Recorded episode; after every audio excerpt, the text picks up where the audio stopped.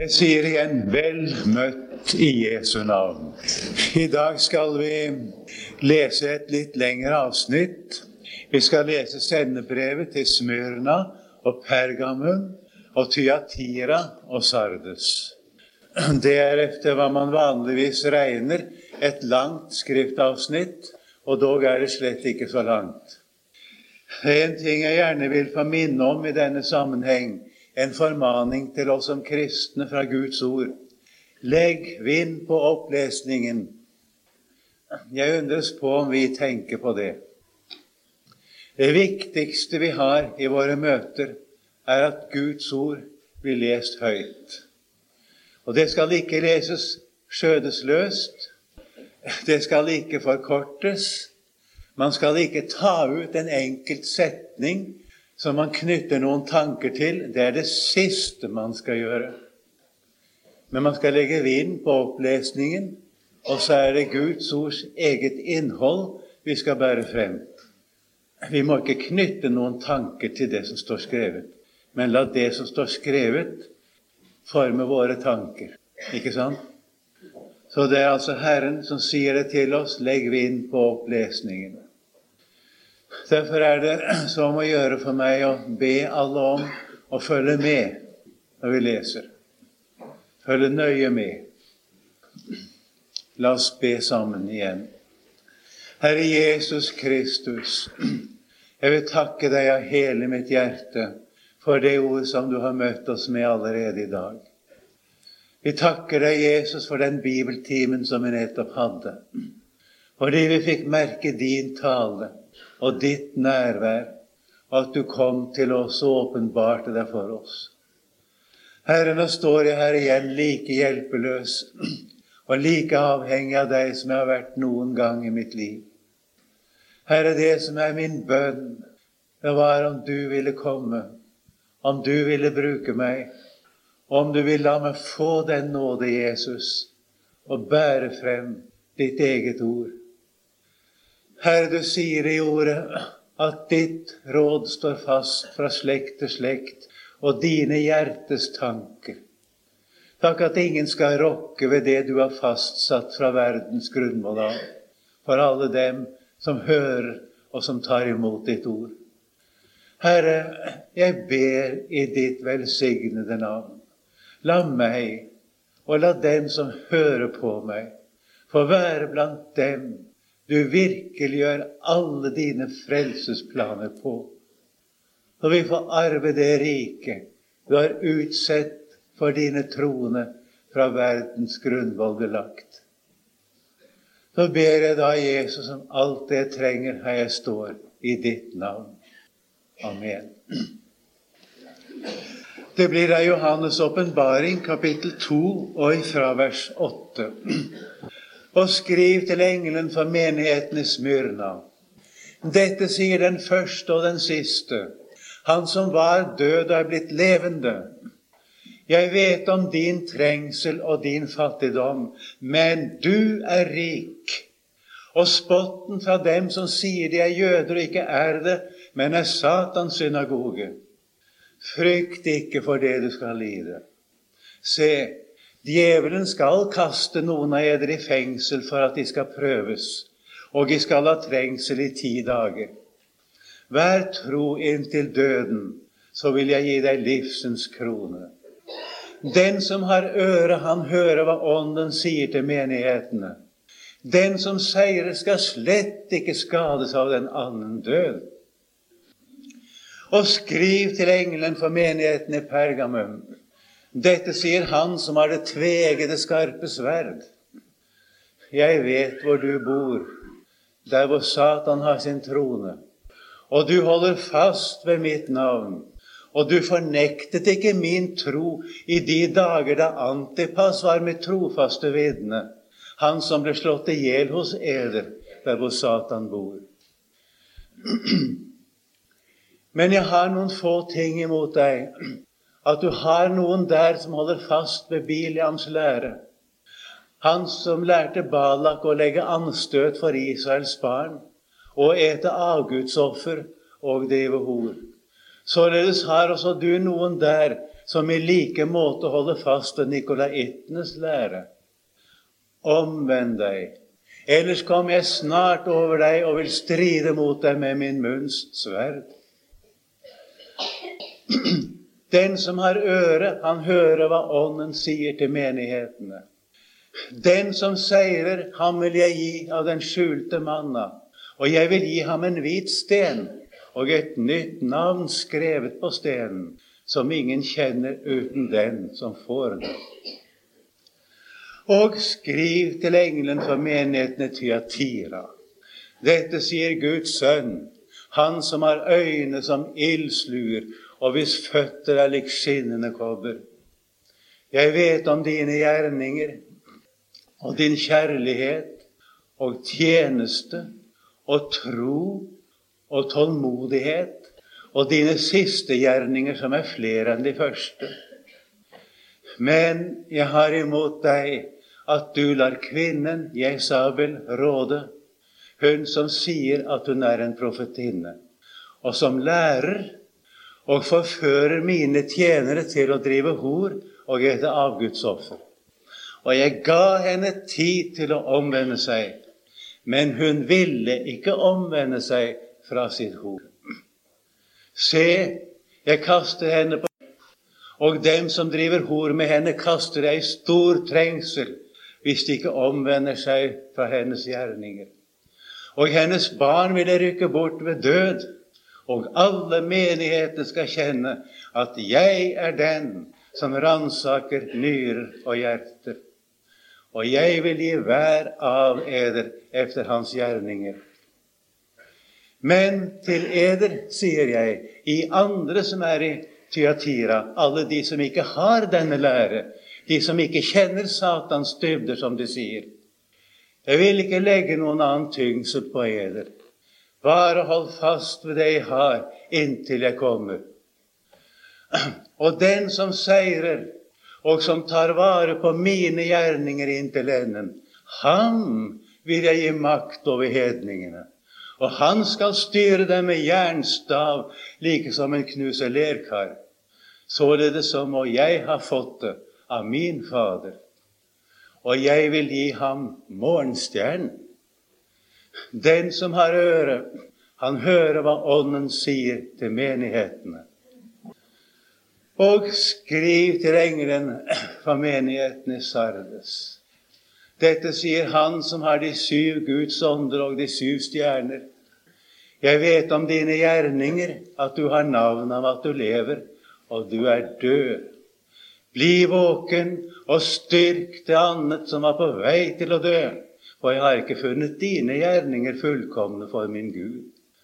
Kom derfor i hu hvorledes du har lært og hørt, og omvend deg.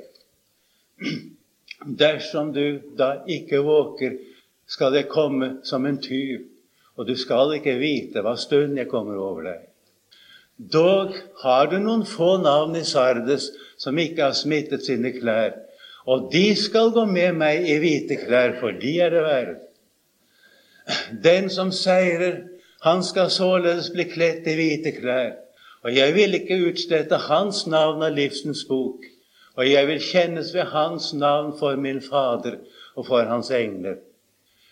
Den som har øre, han hører hva Ånden sier til menighetene.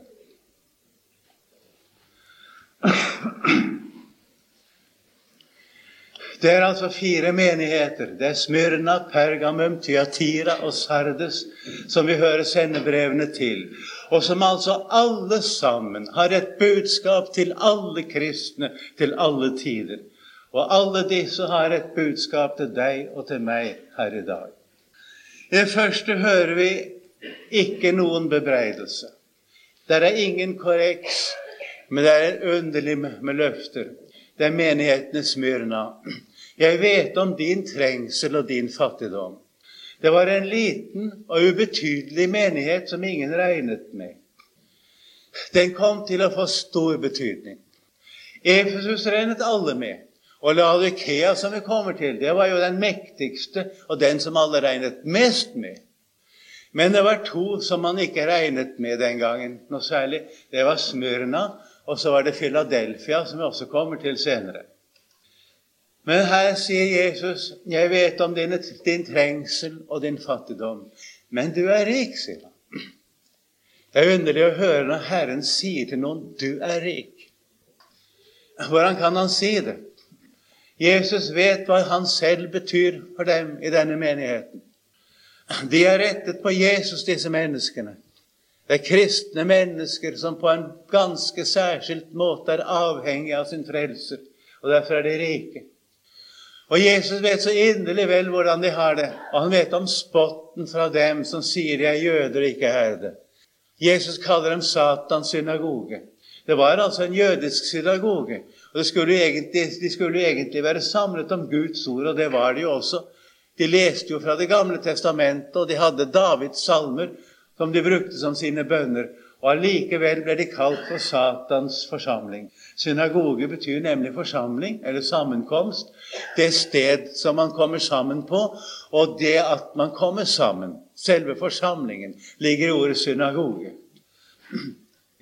Synagogen er forresten rent historisk sett forbilde for våre bedehus. Og på mange måter er våre bedehus vært lik synagogen i innretning òg. Og i måten som vi går frem på i vår møtevirksomhet. Men det skal jeg ikke komme inn på. Alle som vil leve Guds frykt i Kristus Jesus, skal bli forfulgt, sier Guds ord. Hvis du vil leve Guds frykt på en naturlig, menneskelig måte, blir du populær.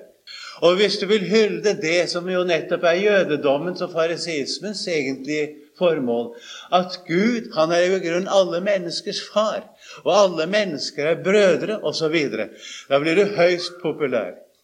Og jødedommen hadde ganske stor innflytelse i Lille-Asia på mange måter. Og jødene var jo som regel meget rike og innflytelsesrike også av den grunn. Vet Det er rart med dem som har penger. De får ganske betydelig makt i samfunnet. De kristne møtte motstand fra dem, og det gjør vi i dag.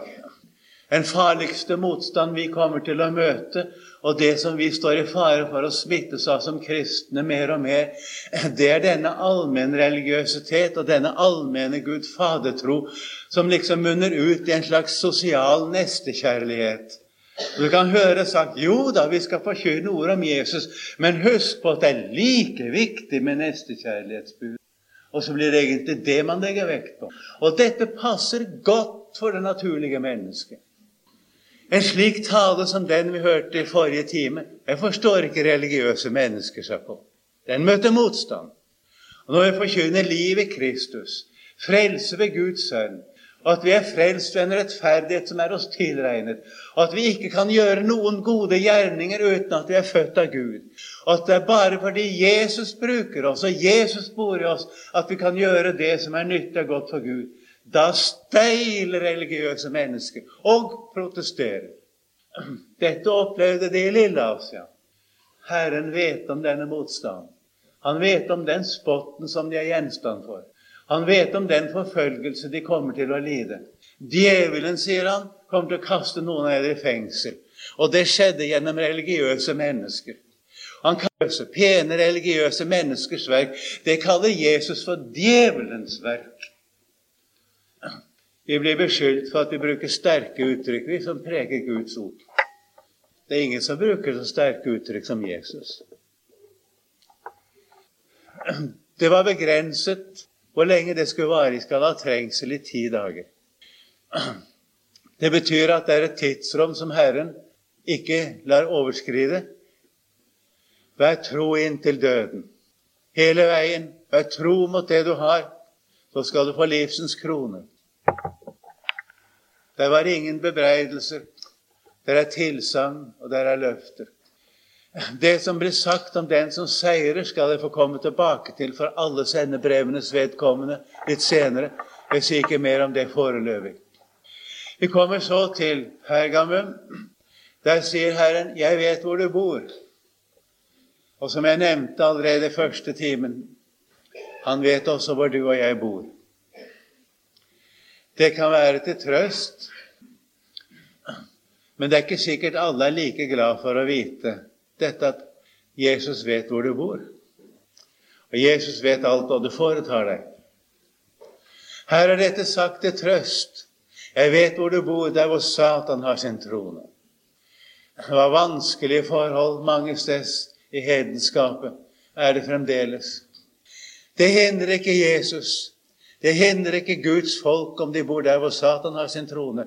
Hvis det ellers kan sies om den, det som sies videre her. Du holder fast ved mitt navn. Jesus ser at vi gjør det. Og Jesus anerkjenner dem for dette.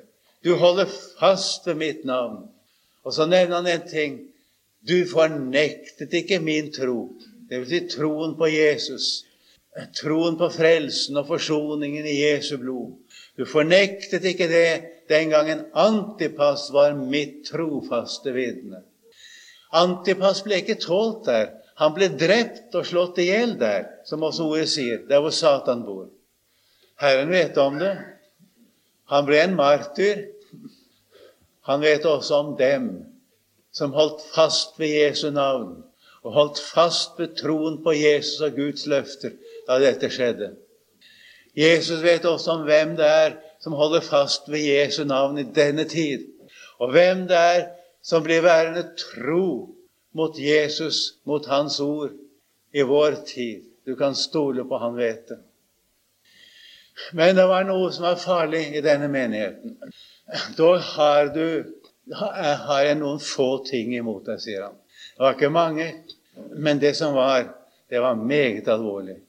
Du har noen der som holder fast ved Biliams lære.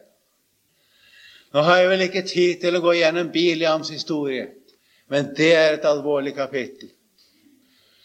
Her ble sagt hva Biliams lære gikk ut på.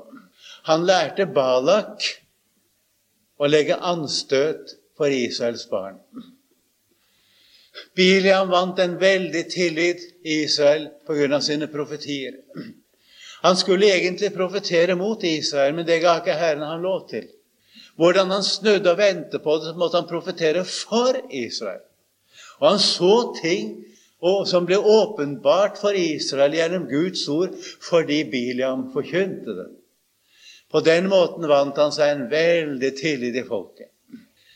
Fordi han hadde en slik tillit, fikk han også stor innflytelse i folket.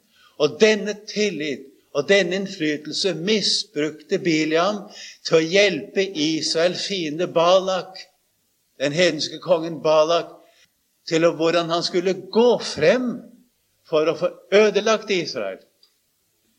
Det var Biliam som lærte Balak hvor han skulle gå frem for å få Israel til å delta i avgudsdyrkelsen, ete avgudsoffer, som det står her, og drive hor. Og den, det lykkes.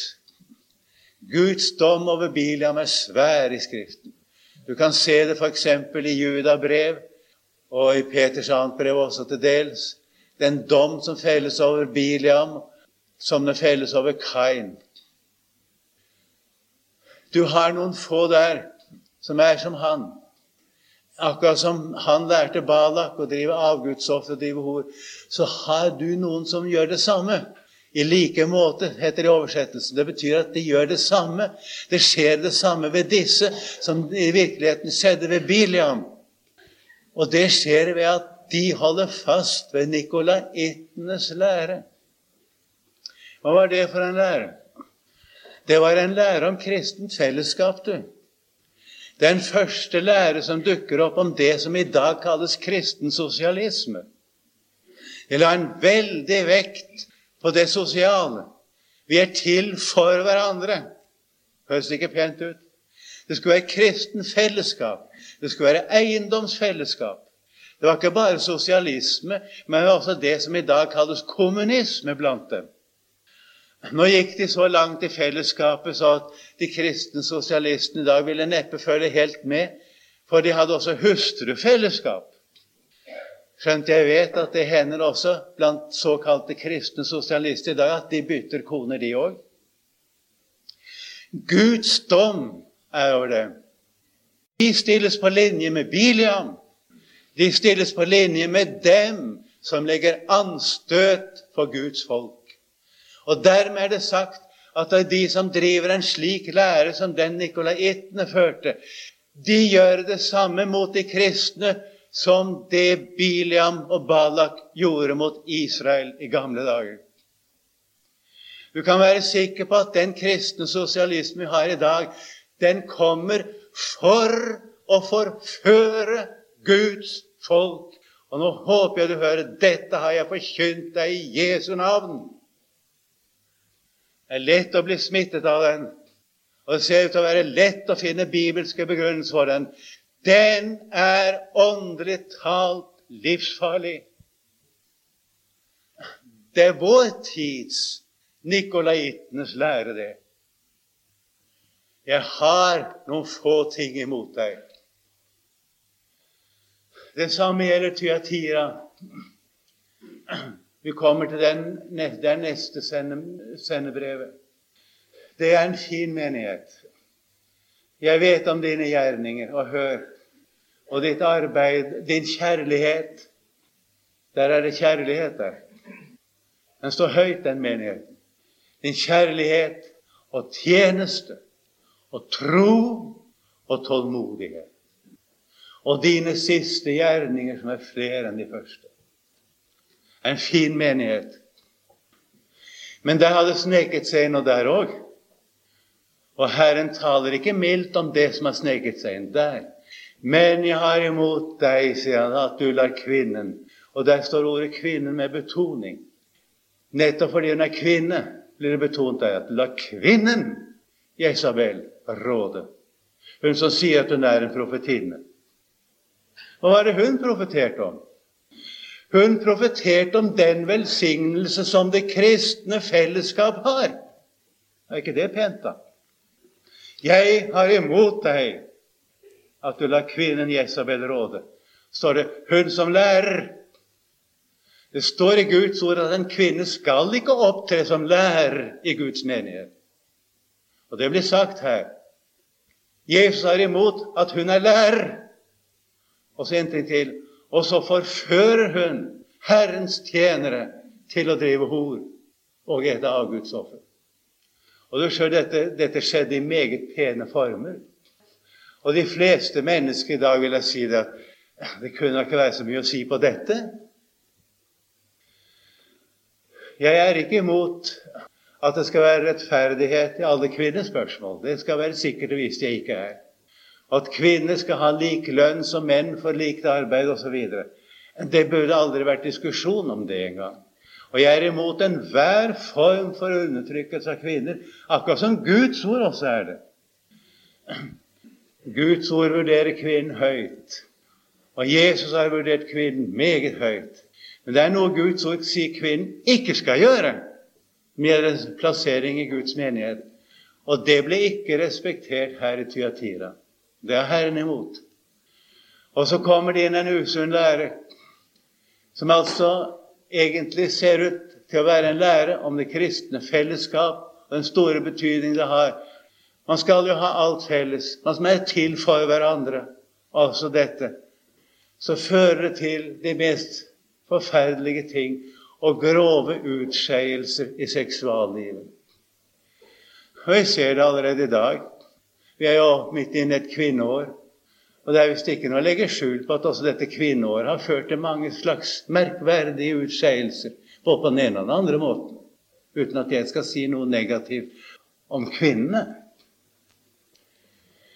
Tror du ikke det har sin aktualitet med sendebrevene i dag? Herren feller sin dom over dette. Han sier om denne kvinnen hun fikk tid til å omvende seg. Jeg ga henne tid til å omvende seg. Hun vil ikke omvende seg fra sitt ord. Og se, kaster henne på sykeseng. Dommen rammet henne, og dem som driver hor med henne, kaster jeg i stor trengsel, sier Herren, hvis de ikke omvender seg fra hennes gjerninger.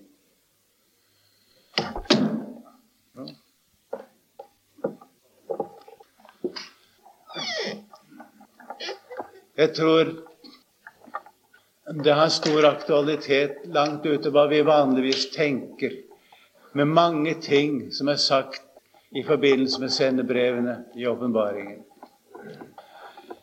Det er ikke populært å forkynne det som jeg har forkynt her. Det vet jeg. Og det blir ikke vel mottatt i vide kretser. Men det er Jesu ord. Det er blant det som Herren sier om den som har øre, han hører hva Ånden sier til menigheten. Og det er ikke min tale, det er Jesu ord, og det er hva Ånden sier til menigheten. Men vi ser at dette er et innslag som Gud feller dommen over Tyatira. Det er han, og det kommer igjen. Men til ede sier jeg, i andre som er i Tyatira, alle de som ikke har denne lære, de som ikke kjenner Satans dybder, som de sier, de får en annen tale. Herren vet om dem, og Herren vet å skjelne. Og det skal vi ikke glemme at i en tid hvor det er så megen utroskap, så megen svikt, og det er så lett å smittes, så skal Herren vite og skjelne mellom dem som blir dratt med, og dem som holder seg nær til Jesus, og som står fast på Guds ord. Og til dem sier Jesus her, jeg vil ikke legge noen annen tyngsel på eder. Bare hold fast ved det jeg har. Det kommer tilbake til i Filadelfia også. Hold fast ved det du har. Hva er det de har? De har frelsen. De har Jesus. De har det budskap som er dem gitt gjennom apostlene, gjennom Bibelen. Det er det det siktes til. Hold fast ved det jeg har, inntil jeg kommer. Kjære venner, vi har noe, vi også. Vi har arvet fra fedrene det begynte med Guds ord. Vi står i en gjerning som er sprunget ut av Guds ord. Vi står i en gjerning som nettopp ikke er menneskeverk, men er akkurat det vi hørte om i forrige bibeltime. Det er Guds verk gjennom dem som Gud får bruke. Og det det hele står med, og som det hele beror på og utfoldes av, det er Guds eget ord i Bibelen. Hold fast ved det jeg har.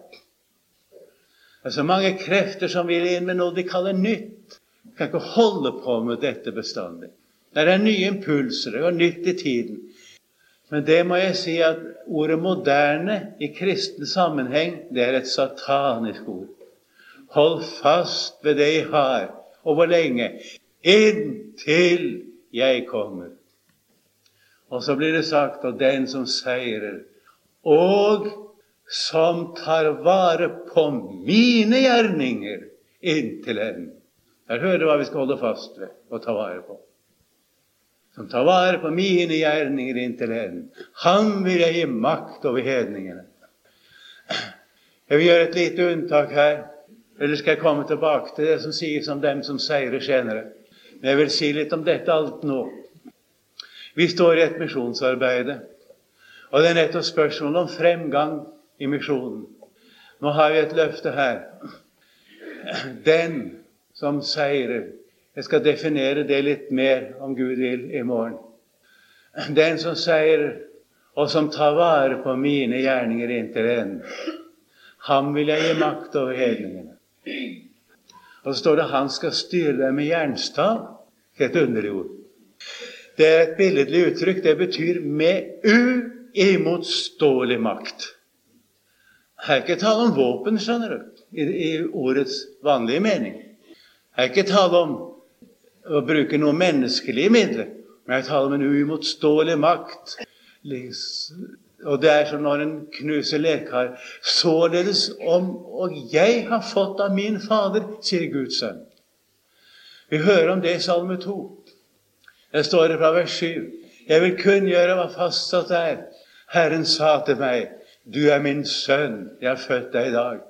Begjær av meg, så vil jeg gi deg hedningene til arv og jordens ende til eie. Og så kommer det Du skal knuse dem med jernstav. Som en pottemakers kar skal du sønderslå dem. Og det er det Jesus sikter til her, som kommer til uttrykk der. Vet du hva det er for en jernstav? Altså en uimotståelig makt. Du skal knuse dem. Den jernstaven er et kors som står på Golgata, det er jernstaven. Der Guds sønn sonet våre synder. Jeg vil kunngjøre hva fastsatt er. Det er Guds evige råd. Overfor evangeliet, overfor ordet om Jesu fullbrakte verk, er hedenskapet maktesløst. Det står om Guds sønn i Hebreerbrevets annet kapittel at fordi barna har del i blod og kjød, altså er mennesker, måtte han i like måte få del deri for at han ved døden skulle gjøre til intet. Og det ordet betyr gjøre maktesløst. Den, han som har dødens velde, det er djevelen. Og utfri alle dem som har frykt for døden, var i trelldom all sin livstid. Dette har Guds sønn gjort, og det er dette det siktes til.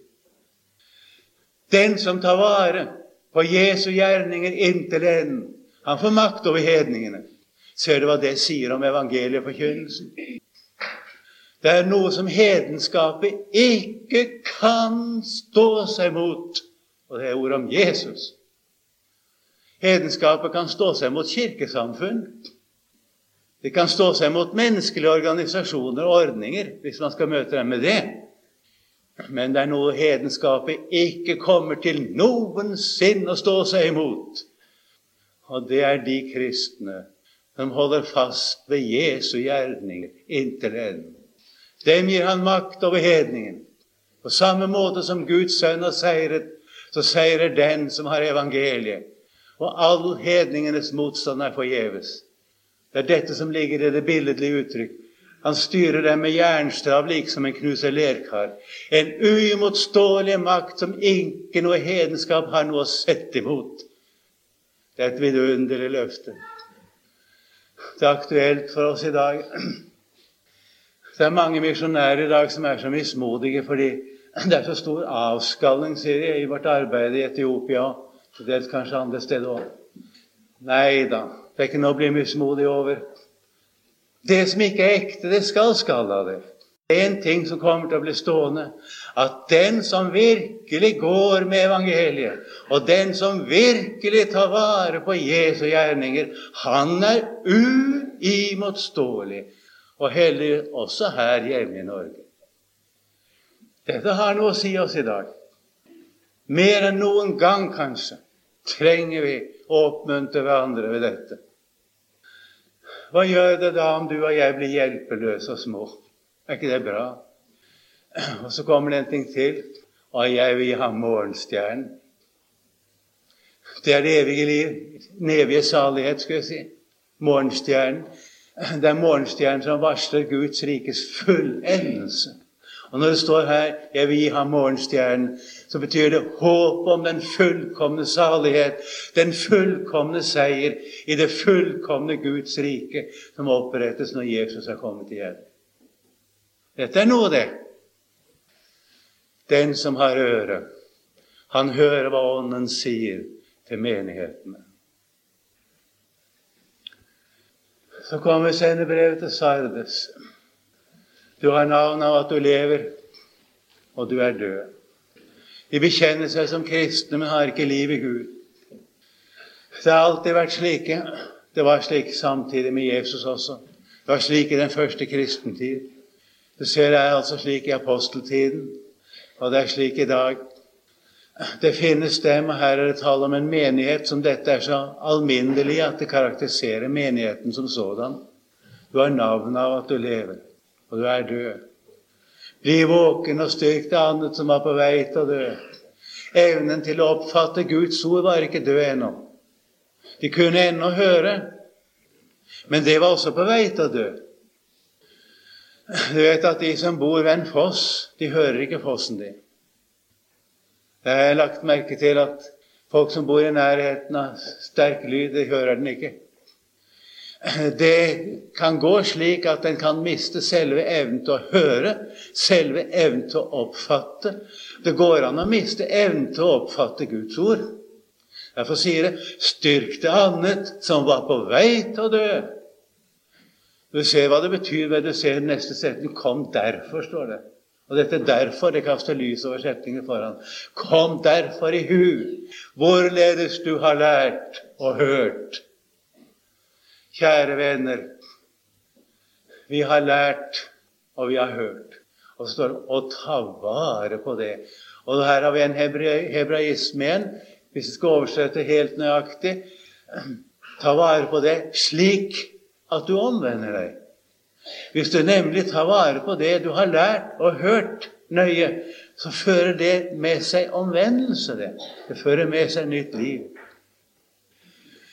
Skulle det være noen i denne forsamling som bekjenner seg som en kristen uten å være det, da trenger du ikke noe ekstraordinært. Du skal ikke gå og vente på opplevelser.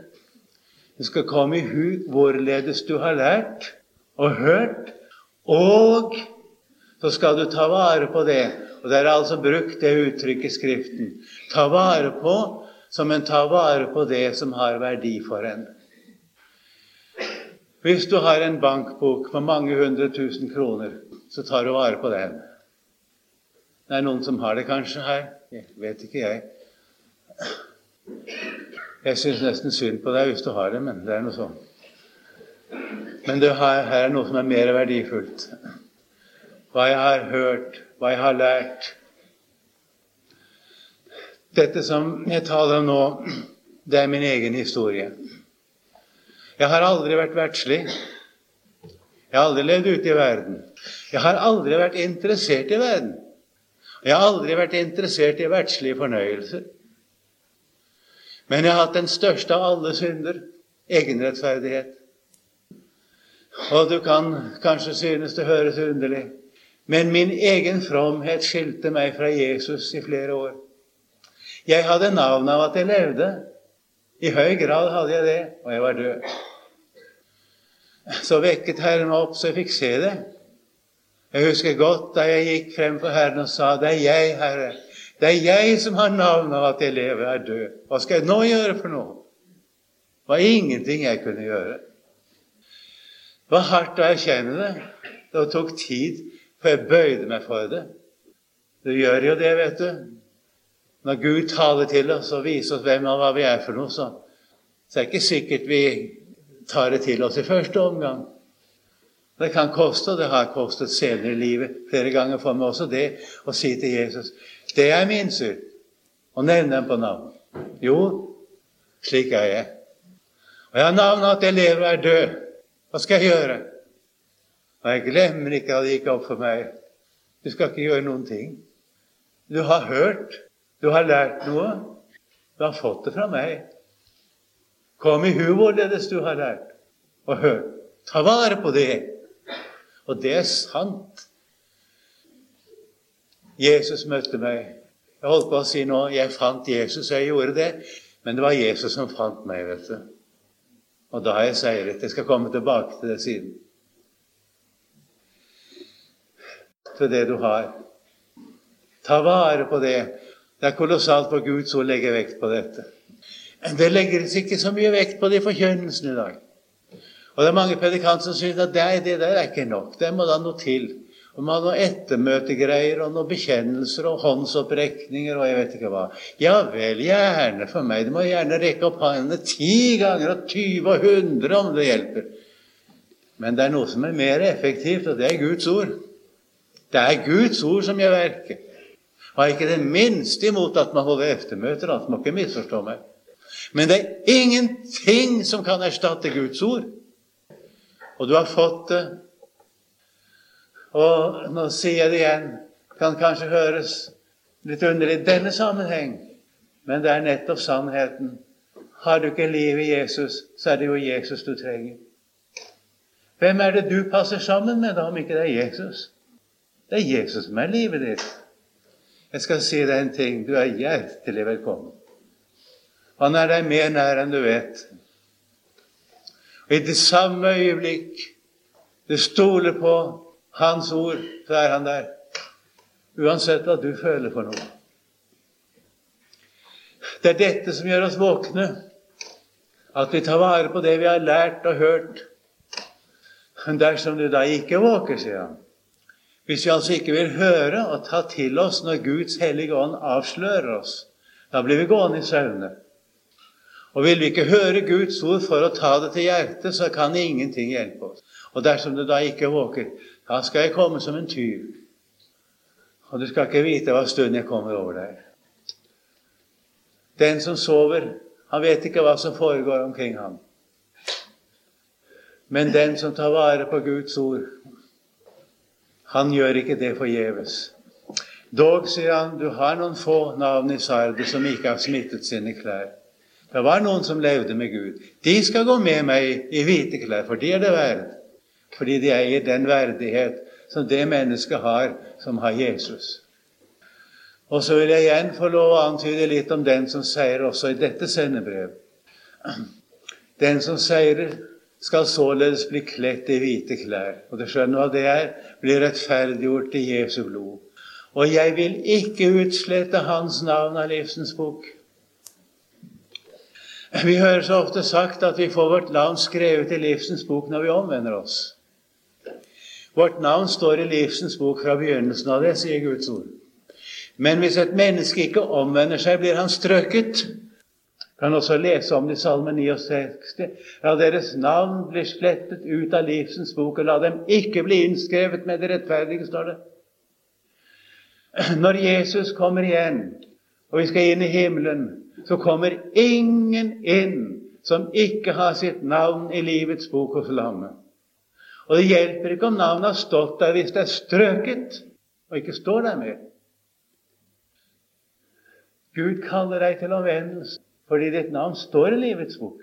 Han vil frelse deg. Hvis du da ikke hører, hvis du da ikke omvender deg, blir du utslettet.